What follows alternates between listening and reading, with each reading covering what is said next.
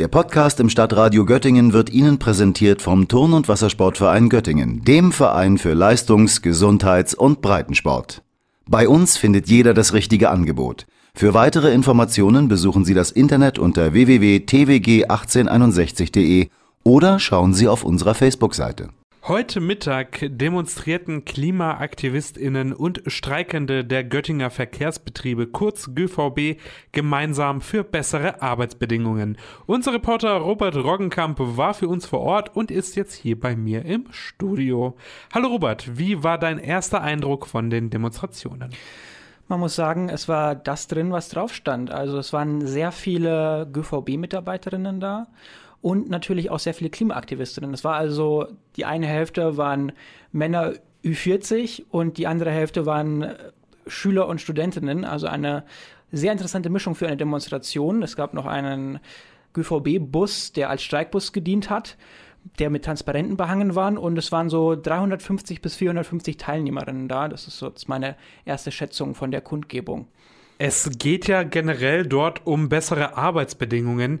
Wie kann man sich denn die Situation für die MitarbeiterInnen bei der GVB zurzeit vorstellen? Also vorneweg muss man sagen, ich habe nur mit Fahrern und mit Leuten aus der Instandhaltung geredet. Deshalb handelt es jetzt auch nur um diese zwei Berufsgruppen. Das unterliegende Problem ist einfach wirklich der Mangel an Personal. Das kommt immer und immer wieder auf. Viele andere Probleme haben auch dieses Problem als Wurzel. Bei den Busfahrern speziell zum Beispiel gibt es lange aufeinanderfolgende Schichten, sodass die Ruhezeit dazwischen drin, also da, wo man einfach Freizeit hat, nach Hause geht, schläft etc., teilweise nur neun Stunden betragen kann. Das heißt, man kommt nach Hause, hat dann noch eine halbe Stunde Zeit für Essen, Haushalt etc., schläft dann acht Stunden im besten Falle und hat dann noch eine halbe Stunde am Morgen für Frühstück etc.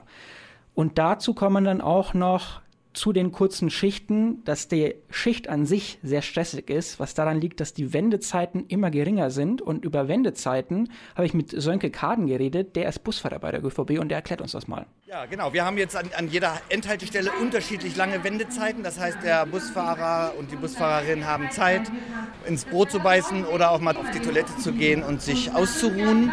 Haben wir Verspätung, die ja im Moment auch durch die Umleitung und den stärker werdenden Individualverkehr öfter vorkommen, dann wird diese Wendezeit kürzer. Das heißt, man hat im Zweifel schon die Fahrgäste stehen, die darauf warten, dass man mit der neuen Linie wieder startet. Das heißt, es bleibt keine Zeit, sich auszuruhen. Und dieser Stress, wenn der den ganzen Tag in der Schicht andauert, das macht einen schon mürbe. Und deswegen fordern wir unter anderem auch ein bisschen mehr Urlaub. Ja, und dieser Stress, den gibt es auch bei der Instandhaltung. Die Instandhaltung, so hat man mir das erzählt, die hängt immer mehr hinterher. Es gibt einfach, wie schon gesagt, zu wenig Personal. Und warum es so wenig Personal zum Beispiel in der Instandhaltung gibt, das erklärt Fabian Kaden. Der arbeitet in der Instandhaltung im Betriebshof bei der GVB. Ja, das Problem ist das Personal und auch die Größe der Werkstatt. Das ist alles sehr begrenzt bei uns. Und das Problem ist, das zeigt sich jetzt auch in diesem Arbeitskampf, eine große Forderung ist die Überarbeitung der Entgelttabelle. Die Überarbeitung der Entgelttabelle bei uns ist von 2003, die ist ähm, Asbach uralt und absolut nicht mehr zeitgemäß. Und unsere Arbeitsbedingungen können mit denen auf dem freien Arbeitsmarkt nicht mehr richtig mithalten. Das wird mitunter der Grund sein, dass bei uns so wenig Leute neu anfangen zu arbeiten, gerade in der Werkstatt. Dieses Problem, das will man beheben, indem man einfach bessere Arbeitsbedingungen schafft. Dazu zählt zum Beispiel mehr Freizeit, eine bessere Planbarkeit von Urlauben und auch, dass die Schichtzuteilung nicht mehr so eng zusammenfällt, wie es vorher war. Wir erinnern uns an die, diese lange Schichten, die aufeinander folgen, mit Freizeiten von weniger als neun Stunden zum Teil. Und das sind so die Kernforderungen, die immer wieder aufkommen. Die von dir genannten Forderungen, die sind ja auch Teil der laufenden Tarifverhandlungen. Wie ist denn dort die Lage? Verfahren, so hat das zumindest Sebastian Krug von Verdi mir geschildert. Der ist auch Teil der Verhandlungskommission des Tarifvertrags und der sagt zu den Verhandlungen Folgendes. Wenn die Verhandlungen weiter so laufen, wie sie im Moment sind, ist Streik in dem Moment leider das einzige Druckmittel, was wir haben, aber auch gegebenenfalls weitere Demonstrationen mit unserem Bündnispartner. Wir fahren zusammen. Jetzt haben wir viel über die Arbeitsbedingungen geredet. Wie hängt das jetzt aber konkret mit dem Klimaschutz zusammen?